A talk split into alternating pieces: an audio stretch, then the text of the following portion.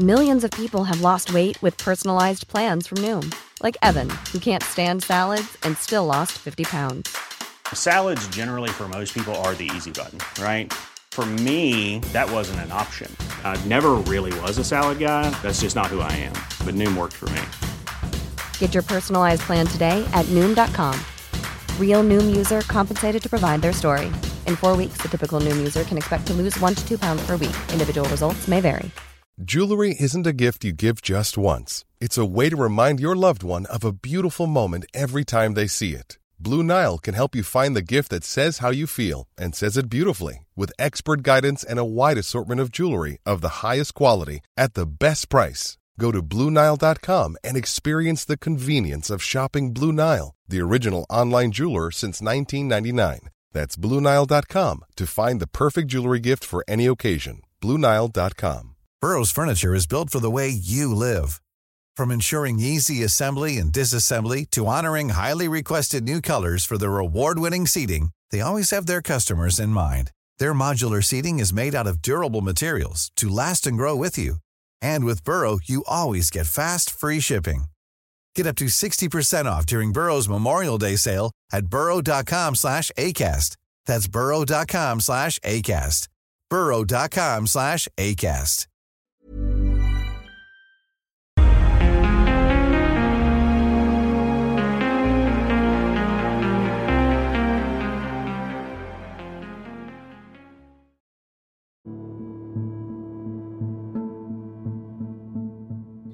Hej och välkomna till det andra avsnittet av vår podcast Mord och trauma.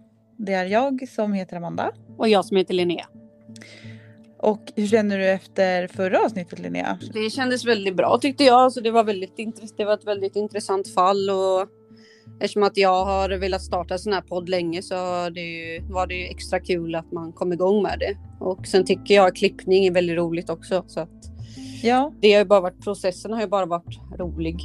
Och, och eh, sen att man har ju sett att man ligger på topplistan för true crime-poddar är ganska, tycker jag är ganska stort också. Och det gör ju att alltså, det verkar ju som att, många, att några uppskattar det i alla fall.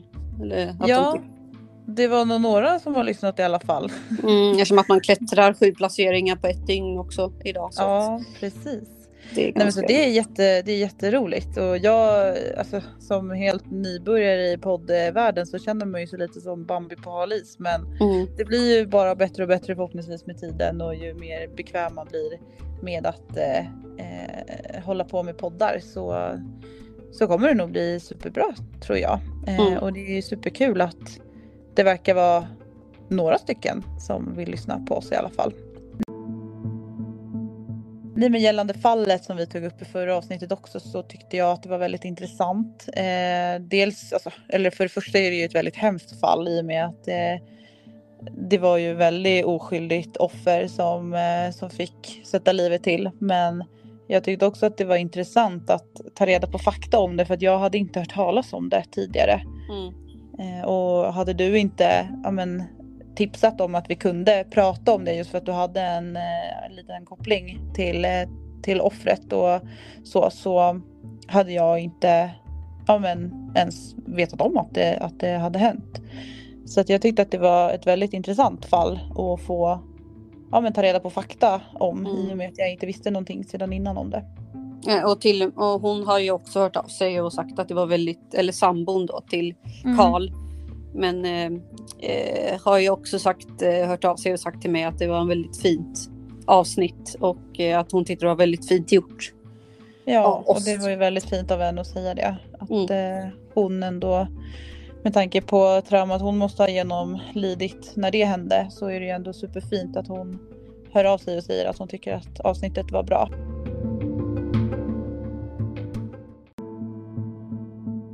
Vi gick igenom ett eh, mordfall förra avsnittet.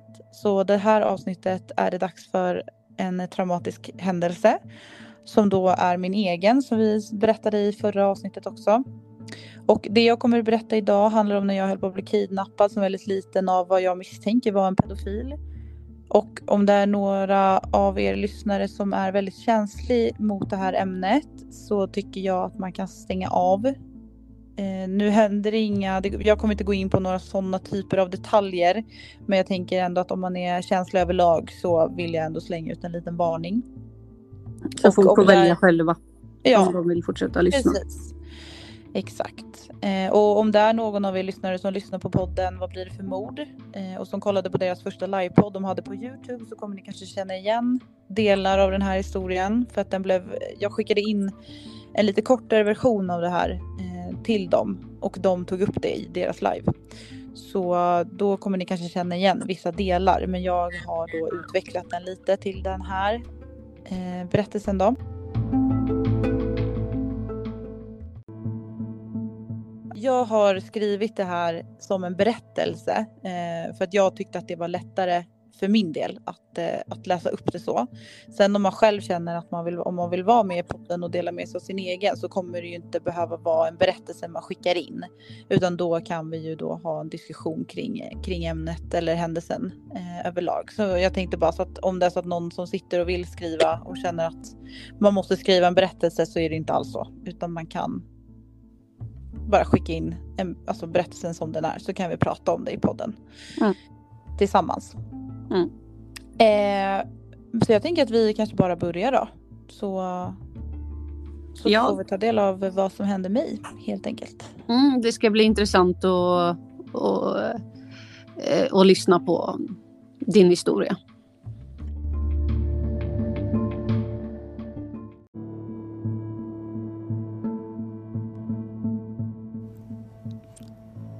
Mina föräldrar separerade när jag var fyra år och min lilla syster var ett. Pappa flyttade till en lägenhet på Söder i Stockholm och mamma bodde kvar i den lägenheten de hade bott i tillsammans. Av olika skäl hade pappa oss varannan helg så vi bodde mest hos mamma under vår uppväxt. I området som mamma bodde fanns det många barn och vi var alla ofta ute och lekte till sent på kvällarna. Vi lekte burken, tjuv och polis eller gick på upptäcktsfärder i skogen precis intill bostadsområdet. Det var ett väldigt tryggt och lugnt område. I alla fall då. Lägenhetshusen var placerade som i en ring och i mitten fanns det en stor lekpark vilket gjorde att våra föräldrar kunde hålla koll på oss även om vi var ute och lekte själva. När det var dags för middag öppnade föräldrarna fönstret och ropade in oss. Skolan låg bara med fem minuters promenadavstånd från området och alla barnen gick ofta tillsammans själva till och från skolan. Varken föräldrar eller oss barn hade en tanke på att något skulle kunna hända oss i detta trygga och lugna område. En eftermiddag under försommaren i juni hade vi över lite grannar hemma hos oss. Mamma stod i köket och lagade mat och jag lekte inne på mitt rum tillsammans med en två år äldre kompis till mig som också bodde i området. Vi lekte med mina Barbiedockor när mamma kom in i mitt rum och frågade om min kompis också ville äta middag med oss. Maten som hon lagat skulle räcka även till henne. Min kompis svarade med att hon gärna gjorde det och eftersom detta var en tid innan mobiltelefonerna fanns bad min mamma oss att springa över gården och fråga hennes föräldrar om det var okej först. Vi tog på oss skorna och började gå från min port över till andra sidan gården där min kompis bodde. Om man kollade ut genom mammas köksfönster kunde man se min kompis port, vilket gjorde att mamma såg oss hela vägen. Mamma såg hur vi gick över lekparken i mitten av området, komma fram till dörren till porten och hur våra ryggar försvann när dörren stängdes efter oss. Vi var i trygga händer eftersom vi bara skulle ta hissen upp till våning 6 där min kompis bodde. Sedan skulle vi åka ner i hissen igen och gå över lekparken och vara hemma hos mamma på ett ögonblick. Det var i alla fall det som var planen. Jag och min kompis gick in i hissen och precis innan dörren stängdes sprang det in en främmande man i den. Detta var inget konstigt. Det var ju ett lägenhetshus och många delade på den enda hissen som fanns i trapphuset. Min kompis skulle precis trycka på knappen för den sjätte våningen. Men innan hon hann sträcka upp sin hand tillräckligt långt för att nå knappen tryckte den främmande mannen snabbt på knappen till källarvåningen. Detta skulle då innebära att hissen först åkte ner till källaren innan den åkte vidare upp till våning 6. Jag och min kompis tyckte fortfarande inte att det här var konstigt. Vi reagerade heller inte på att mannen tydligt ville trycka på källarknappen först. Vi var båda rätt små Och i den åldern förstår man inte riktigt att alla vuxna människor inte är snälla. Hissen åkte ner mot källaren och när hissdörren öppnade sig föste mannen ut oss från hissen. Min kompis frågade vad han höll på med. Vi ska inte av här. Mannen ställde sig framför hissdörren så att han blockerade oss från att kunna gå in i den igen och sa Ta det lugnt tjejer, jag vill bara prata lite med er. Samtidigt som han kollade på oss så såg vi i bakgrunden hur hissen stängde sig och började åka upp mot våning 6 där vi egentligen skulle ha gått av. Mannen stod tyst och bara stirrade på oss och vi kunde höra hissen hela vägen upp till våningsplanet och sedan den klassiska dunsen när hissen stannade långt upp ovanför oss. Trapphuset var format som en cirkel med en trappa i mitten så källarvåningen var inte helt stängd vilket kommer ha en stor betydelse i den här historien lite senare. Mannen bröt nu tystnaden och började ställa oss frågor som Bor ni tjejer här i närheten? Hur gamla är ni? Hur länge har ni känt varandra? Vi svarade på frågorna och började känna att något var fel. Men vi förstod bara inte vad.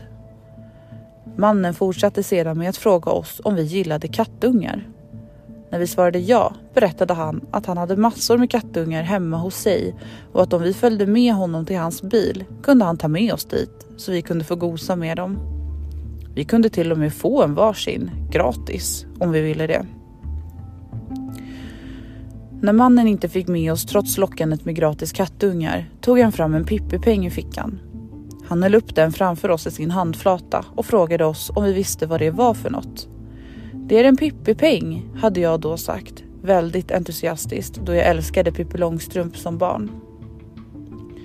Mannen berättade då att han hade en hel kappsäck full med Pippi-pengar och att vi skulle kunna få så många pengar vi ville om vi bara följde med honom bort till bilen. Mannen tog sedan upp en kamera. Han började fota mig och min kompis. Först med kläder på, men sen började han försöka dra ner mina byxor och dra upp min kompis tröja. Vi rättade snabbt till kläderna för nu började vi känna att det började bli lite konstigt. Efter detta drog han ner sina byxor och hans könsorgan var nu blottat framför våra ögon. Han frågade om vi någonsin hade sett något liknande förut. Ja, våra pappor har snoppar, hade vi svarat lite frågande. Men det var här som min kompis började förstå att något var fel på riktigt. Hon tog tag i min arm och bokstavligen slet mig upp för spiraltrappan som ledde upp mot entrévåningen. Vi slängde oss ut ur porten, sprang det fortaste vi kunde hem till min mamma igen. När vi kom innanför dörren märkte vi att grannarna som var hemma hos oss verkade oroliga och frågade vart vi hade varit. Vi har letat överallt efter er. Vi berättade vad som hade hänt och mamma ringde direkt till polisen och kort senare satt en polis i soffan med mig och min vän och ville veta vad som hade hänt. Allt jag kommer ihåg därifrån var att jag trodde att polisen skulle ta med oss och sätta oss i fängelset. Eftersom jag förstod att vi varit med om något konstigt och på något sätt så trodde jag att det var min och min kompis fel. Att det var vi som hade gjort något fel. Polisen försäkrade oss om att det inte var oss de var ute efter utan de ville veta vad den främmande mannen hade sagt och gjort mot oss och att de skulle leta efter honom. För om de hittade honom så skulle de sätta honom i fängelset. Min mamma har i efterhand berättat att det enda vi berättade för polisen var att han visade sitt könsorgan för oss. Mamma hjälpte till att fylla i den informationen vi missade till polisen. Polisen letade efter mannen men han blev aldrig hittad. Vi bodde kvar i området och min mamma bor fortfarande kvar i samma lägenhet som då. Många år senare, när jag och mamma en kväll satt och pratade om händelsen, berättade hon att några månader efter det som hände mig och min kompis hade samma sak hänt med en grannflicka. Hon hade varit ensam på gården och en granne hade sett vad som hänt och sprungit ut för att stoppa mannen som hade kommit undan återigen. Sedan dess har mannen varit spårlöst försvunnen och polisen fick till slut lägga ner ärendet. Jag hade tur som hade min äldre kompis med mig. Utan henne vet jag inte vad som hade kunnat hända med mig. Jag var för liten för att förstå allvaret i situationen. Jag förstod inte vad som kunnat hända utan det förstod jag först när jag blev lite äldre. Jag kan fortfarande få kalla kårar när jag hör eller läser om ett barn som blivit kidnappat. Det hade kunnat vara jag och då vet jag inte ens om jag hade suttit och läst upp den här berättelsen just nu.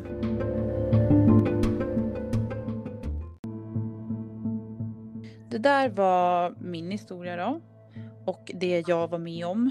Eh, och det, ja, det är ju ändå skönt att det inte hände så, så som det skulle kunnat ha hänt. Men jag, eller det som skulle kunna hända var ju att jag hade kunnat bli kidnappad. Men det hände mm. ju inte, skönt nog. Eh, ja. Sen hände det ju såklart mycket ändå. Men jag är ändå väldigt glad över att jag hade min kompis med mig där. Eh, för som jag sa i berättelsen så, så vet jag ju inte riktigt vad som hade hänt om jag hade varit ensam. Så att jag är väldigt tacksam över att jag hade min vän med mig som ändå förstod lite mer än vad jag gjorde om vad som skulle kunna varit på väg att hända. Mm. Det var ju väldigt eh, tur, tur i oturen att ni var två som du har sagt eller som du, som du sa. Det är ja. väldigt, det är väl att annars vet man inte, då hade det antagligen hänt något ännu värre. Ja, men jag tänker att jag hade kanske följt med honom till bilen då eller så. Mm. Jag har ingen aning. Jag var ju ganska liten också så att jag, jag, jag har ju skrivit ihop det här utefter vad jag kommer ihåg. Sen var ju jag liten så det är klart att vissa grejer kanske inte riktigt liksom stämmer med det eh, som jag tog upp mm. nu. Men sen är ju de flesta delarna är ju ändå ja men så som det var.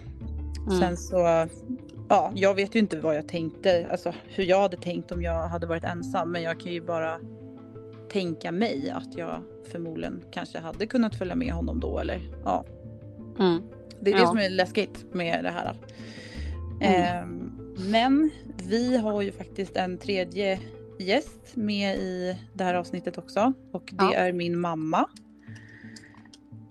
Hej mamma! Hej! Eh, vi tänkte ju att du skulle få vara med bara för att du var ju med den här dagen eh, mm. när det här hände. Mm. Och det vi tänker är att det vore intressant att bara få höra liksom din, eh, din version, eller inte din version, men hur du upplevde allting. Mm. Ehm, så att eh, jag tänkte bara fråga, för vi har ju pratat ganska mycket, alltså, ju, nu på, i efterhand så har vi pratat ganska mycket om det. Men vi pratade ju, det tog ett tag innan vi faktiskt började prata och jag tror inte att vi kanske har suttit och pratat så pass mycket eh, om det på det sättet heller. Nej. Så det var därför jag tänkte att om mm. du vill så hade det ju varit intressant att bara få höra lite vad mm. Ja men din del av allting liksom.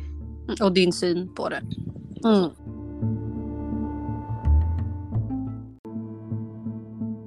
Ja, nej men den där hemska dagen. Vi... Eh...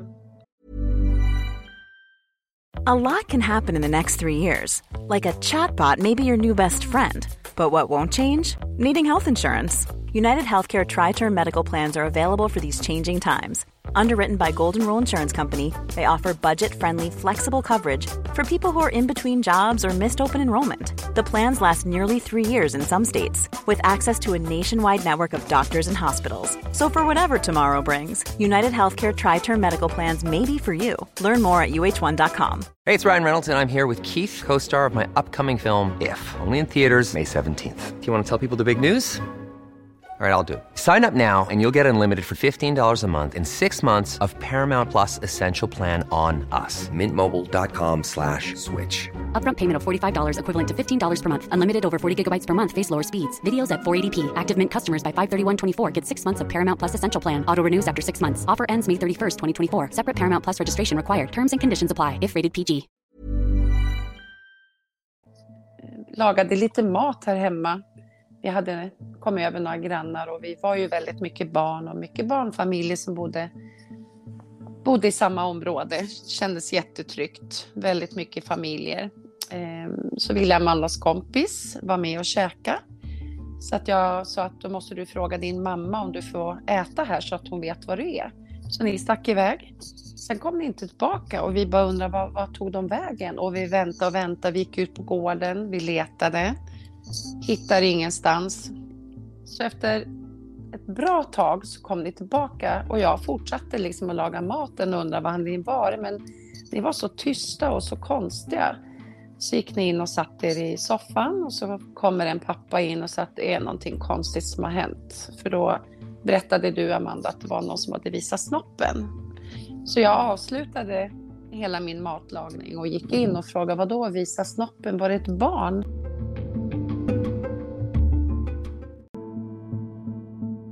Så jag ringde polisen. Polisen kom hit. Det var fullt med poliser. De hade spårhundar med sig.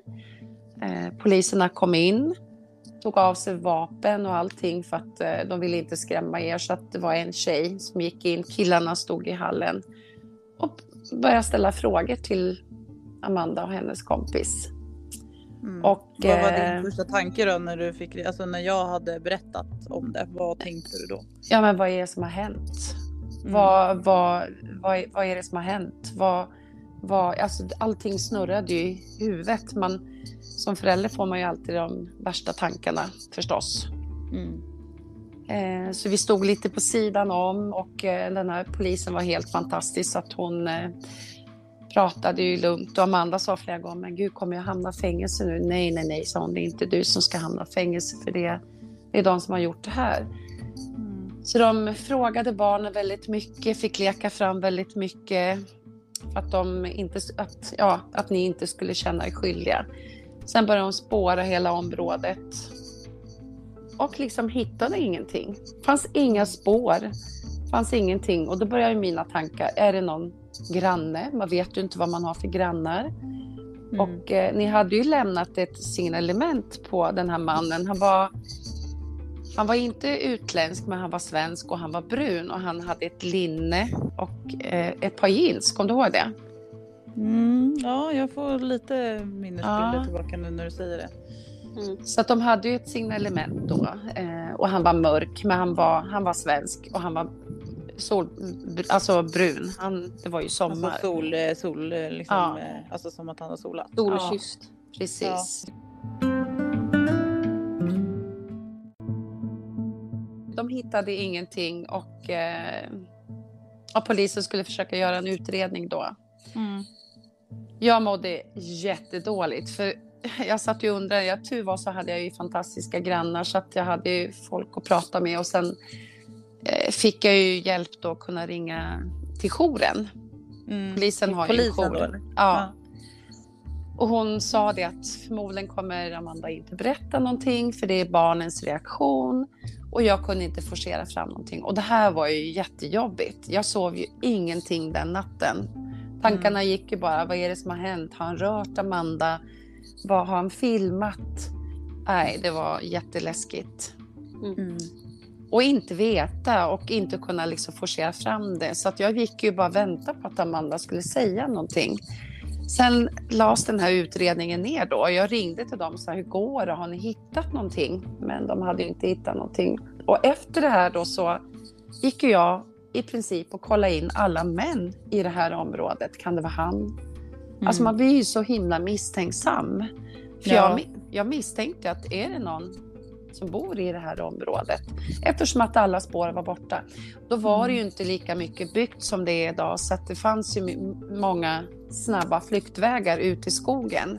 Ja, det var ju väldigt mycket skog runt omkring där vi Ja. bodde. Nu är det ju bostadshus överallt. Men när, vi, när jag var Mm. liten då var det ju väldigt, alltså det var ju skogs, eh, Ja. skog överallt. Ja. Men det, jag tycker ändå att du, alltså när, du, när du, du var inne på att du inte tvingade fram någonting hos mig. Men jag tror att det var för att jag var ju så pass liten att jag tror inte ens att jag förstod då vad det var som hände. Utan jag tyckte väl bara att det var någon konstig gubbe liksom som hade ja, men, visat snoppen för mig liksom. Eh, utan det har ju kommit mer i efterhand att jag har liksom blivit mer medveten om vad som hade kunnat hänt. Och då har det ju börjat bli ett mer trauma för mig när jag tänker att vad hade hänt om jag hade följt med han till bilen? Hade jag suttit här idag då? Eller vad, vad hade hänt då? Så jag tycker ändå att du hanterade det väldigt bra. I och Mm. med att, för annars hade jag, alltså om du, satt, om du hade börjat tjata på mig eller försöka pressa mig på att jag skulle prata om det och att jag såg på dig att oj, det här är nog något läskigt. Då hade jag ju blivit mer rädd. Mm. Eh, tror jag. Det jag- var ju eh, jobbigt också att inte... Varje dag gick jag ju och väntade på att du skulle säga någonting. Så jag försökte ju bara...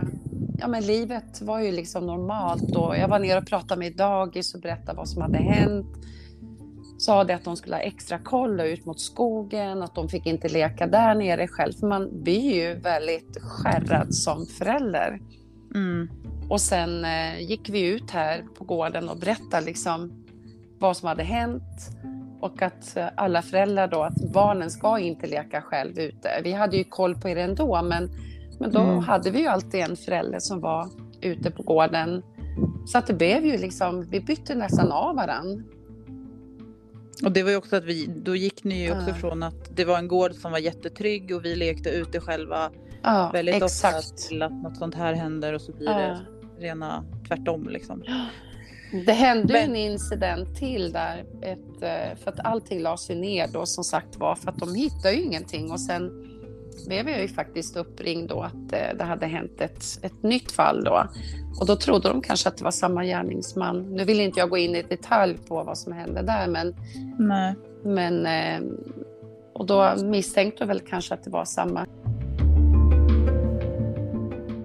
Då rycks ju Mm. allting upp igen och det här var ju liksom precis det som hände dig var ju på sommaren och det som hände då, det var till jul. Mm. När men vi satt åt middag och det här Mm. var någon, några år efteråt och du hade blivit lite större. Och så säger du mitt i middagen, mamma kom du ihåg när jag, jag och min kompis blev nedtryckt i källaren och då, då stannade mitt hjärta och tänkte att åh gud vad är det liksom, är det nu sanningen kommer fram?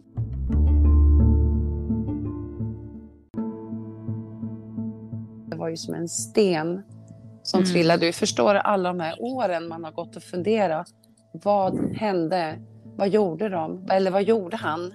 Mm. Nej, det var fruktansvärt. Jag, Jag vill förstår det. ingen förälder ska behöva gå igenom. För det, ja, det har ju påverkat du- mig.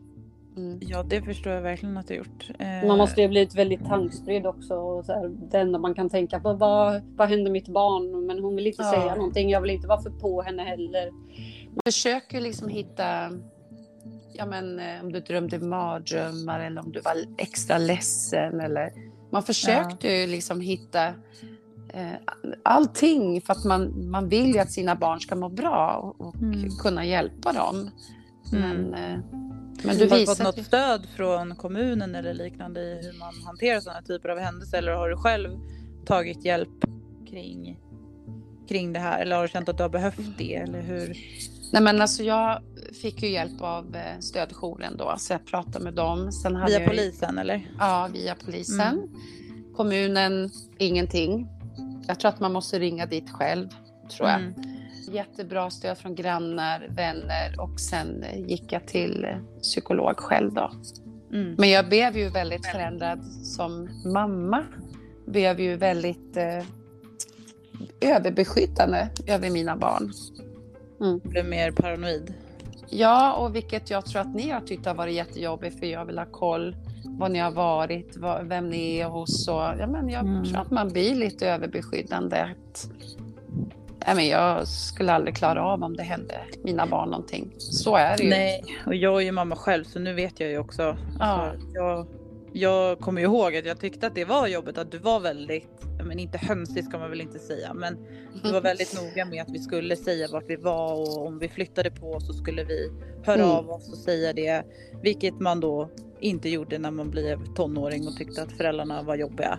Men nu Ja. när jag själv har barn så, så förstår jag ju också vad, och speciellt när sånt här har hänt, för att man tänker ju Mm. alltid att det händer, någon, att det händer alla andra men Mm. inte en själv. Nej. Eh, och det är ju samma sak med min son nu att jag man kan ju lätt tänka att ja, men det där kan hända men det händer andra, inte mig. Mm. Men det har ju faktiskt hänt mig när jag var liten. Mm. Att jag har ju också fått ett bevis på att det händer inte bara alla andra. Det, händer, det kan hända Mm. själv också. Och då har också Mm. gjort att jag blir extra paranoid när jag tänker på att min son ska gå själv och Mm. ja, men från och till skolan sen när han blir äldre och, och så. Mm. Det kommer jag tycka är jättejobbigt. Och då har det inte ens, eh, alltså nu har det inte hänt någonting, hon, alltså nu har det inte hänt honom någonting och det hoppas jag verkligen att jag aldrig ska behöva vara med Nej. Men jag, i och med att jag vet att det hände mig så blir jag Mm. ju också extra Mm. rädd för det. Jag kände i morse när jag eh, när, du började prata om att du skulle göra den här podden. Det kommer ju upp så himla mycket ja, men sånt där som man tycker att man har liksom inte förträngt men det är så långt borta. Men jag Mm. märkte det i morse när jag klev av när jag var på väg till jobbet och så kommer en ensam kille. Ja, men, han var inte alls gammal. Han åker själv och han kliver av och ska gå. Och då blir jag väldigt så här, men gud har han inga föräldrar och vad, vad liksom, är det långt till skolan? Då blir jag så här överbeskyddande och ja, men det är ju så sjuk värld vi lever i just nu med så mycket som händer och eh, jag Ja. märker liksom att det kommer tillbaka och jag kommer förmodligen bli likadan mot mitt lilla barnbarn där med. Mm. Men det finns ju liksom en rädsla. Ja, och det, Och det är hemskt att alla föräldrar känner så. ju en rädsla för sina barn oavsett om det har hänt något eller inte. För ens värsta Mm. mardröm är ju att det ska hända någonting. Och sen då om det dessutom har hänt någonting, det är ju klart att man blir Mm. extra liksom, ja men, Mm. ja men att man är extra försiktig eller att man tänker lite extra på det än att om det kanske inte har hänt. Eh, Mm. eh, Jag märker ju fortfarande, ni är ju vuxna nu. Jag vill ju att ni ska liksom skicka ett sms. Lika mycket som ni vill att jag ska skicka ett sms om man Mm. har varit borta någonstans. Eller, det är ju mer eh, med omtanke. Ja, Ja, man litar ju på sina barn men man kanske inte litar på... Man litar inte på de andra runt omkring. Nej, exakt. Nej. Mm. Nej, jag vet ju att när jag väl skaffar barn så kommer jag ju, jag vet ju redan innan att jag kommer vara väldigt överbeskyddande. Men det är inte på grund av sånt här utan det är vad jag varit med om i skol, skoltiden med mobbning och sånt. Att jag kommer Ja. bli väldigt så här, Mm. alltså väldigt orolig och vill att de liksom så fort de- så kommer jag liksom säga ja men ni kan berätta vad som helst för mig. Ja. Jag kommer all, för jag höll ju det inom mig. Mm. Mina föräldrar de visste ingenting. Nej. Att, eh, det kommer jag vara väldigt tydlig med att ni, ska, ni kan berätta allting och jag kommer inte döma er. Jag kommer bara hjälp, försöka hjälpa er ur situationen och göra det bästa av det istället.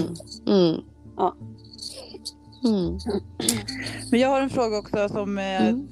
går tillbaka lite i början där. Men jag tänker när polisen kom, kom hem eh, Mm. till oss efter Mm. att, ja men du sa att det var tre poliser. Jag kommer ihåg att det var två. Mm. Eh, men det var tre då. Som Mm. du sa. Var, medans eh, den eh, kvinnliga polisen satt och pratade med mig och min kompis. Vad tog de andra poliserna hand om dig på något sätt? Eller liksom, Nej, du- ja, vi stod och pratade i hallen för att vi lämnade dig då och din kompis själv Mm. med den här kvinnliga polisen och så stod vi i hallen och pratade då. Så att, eh, men de, det var väl mer som att de ville veta vad vet du? Har du sett någonting eller misstänker du någonting eller ja, Mm. så att det var väl mer då. Mer information. eh, Ja, mässigt så. Ja, Ja. okej. Jag tänkte om de gav dig någon form av stöd eller. ja, men de var ju jättegulliga. De Mm. var ju fantastiska så att eh, ja, men de gör ju alltid ett bra jobb tycker jag. Ja, gud ja. Cred till alla våra poliser. Ja, verkligen. Eloge. Mm. Men tack eh, snälla mamma för att du ville vara med här och dela med dig av, av eh, ja, den här dagen och vad dina Mm. tankar och så eh, Mm. var. Det var väldigt intressant att höra för vi har inte pratat om det på det sättet. Nej, faktiskt inte. Tänk, eh, jag tänkte på det. Gud, har vi pratat om det? här? Men nej, det har vi faktiskt aldrig Vi har ju gjort. pratat om vad som har hänt men vi har Mm. inte riktigt pratat om varken dina eller mina tankar omkring Nej. det. Och nu när alltså, jag är vuxen så är det ju lättare att, att prata om det så här än att när man pratar med ett barn för då är det väl mer lite sakligt om vad som hände och om det kändes konstigt på något sätt. Men mer än det brukar man ju inte få ur barnen eh, riktigt. Du har ju själv blivit mamma. Mm. Och då tänker man ju så helt annorlunda. När man inte har barn så går man bara vidare på något sätt. Men när man har barn så blir det ju, och sen när man får egna barn, nu har ju du fått egna barn så att nu förstår ju du precis allt det här som min rädsla och Mm. eh, att det ska hända någonting eller det blir ju lite mer eh, Ja, Ja. jag har nog mer förståelse kring hur du hanterade det. Ja, Eh, tror jag. Så jag tyckte att det var jättenyttigt att ha med ja dig. verkligen. Ja, det var väldigt bra att få reda på alltså, din sida av historia, inte bara liksom, alltså inte, för du var ju ändå med i situationen så det är bra att få höra det också. Mm. Bara huvudperson Verkligen. eller vad man säger. Man kan ju Ja. säga att man är med på sin vakt och man är med och spanar. Liksom, ja, men det här är en konstig... Och jag är fortfarande så. Jag kan... Vad är det där för typ? Han ska inte komma in i porten. Så att man, ja. Mm. Ja, du bor ju också kvar i samma område Mm. som när, när det hände. Så att det är också, du bor ju i samma grannskap fortfarande. Mm. Så det kan jag också förstå. Det hade ju kanske varit annorlunda om du hade flyttat någon annanstans. Men nu, nu är du ju kvar där och i Ja. samma, samma område. Fast det är fortfarande lugnt kan jag säga. Så att, eh, Ja, det vi har ju inte, det är fortfarande ett lugnt område men Mm. nu är man ju inte ute på gården på samma sätt och eh, det är många som fortfarande bor kvar i området så att eh, det känns bra. Ja. Det är väl mer, man ser inte lika mycket barn ute på gården som ni var ju ute väldigt mycket. Hade jättekul. Mm. Mm. Mm. Men eh, det var allt vi hade för det här avsnittet. Mm. Nästa vecka är det ju dags för ett mordfall igen. Så Ja. jag hoppas att vi eh, hörs då, då helt enkelt. Det hoppas jag också vi, eh, att vi hörs då. Och att Ja. ni tyckte det här var bra också. Och få, Ja. få lära er om hur eh, man kan agera, hur man kan känna som anhörig till när någon man älskar har varit med om något jobbigt. Och hur man Mm. blir, att man blir förändrad som person och vissa grejer och sådär. Mm. Det kan vara bra att höra sånt ibland också. Ja, Mm. exakt. Och som sagt, ni kan ju skriva in till oss på mord och trauma gmail.com om ni känner att ni själva vill vara med och dela med er av era berättelser. Mm. Så hoppas jag att vi, eh, vi hörs. Ja. Tack för den här gången. Mm, tack, hej! Tack, tack. Hej då.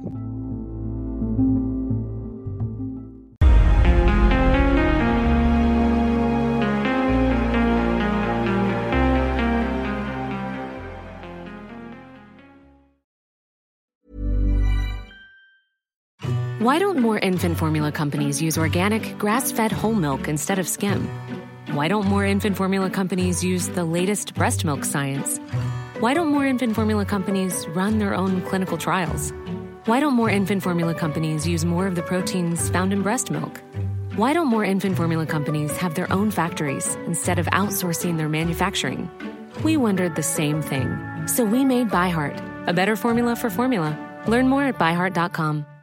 Hi, I'm Daniel, founder of Pretty Litter. Did you know cats tend to hide symptoms of sickness and pain? I learned this the hard way after losing my cat, Gingy. So I created Pretty Litter, a health monitoring litter that helps detect early signs of illness by changing colors, saving you money and potentially your cat's life. Pretty Litter is veterinarian developed, and it's the easiest way to keep tabs on your fur baby's health right at home. Go to prettylitter.com and use code ACAST for 20% off your first order and a free cat toy. Terms and conditions apply. See site for details.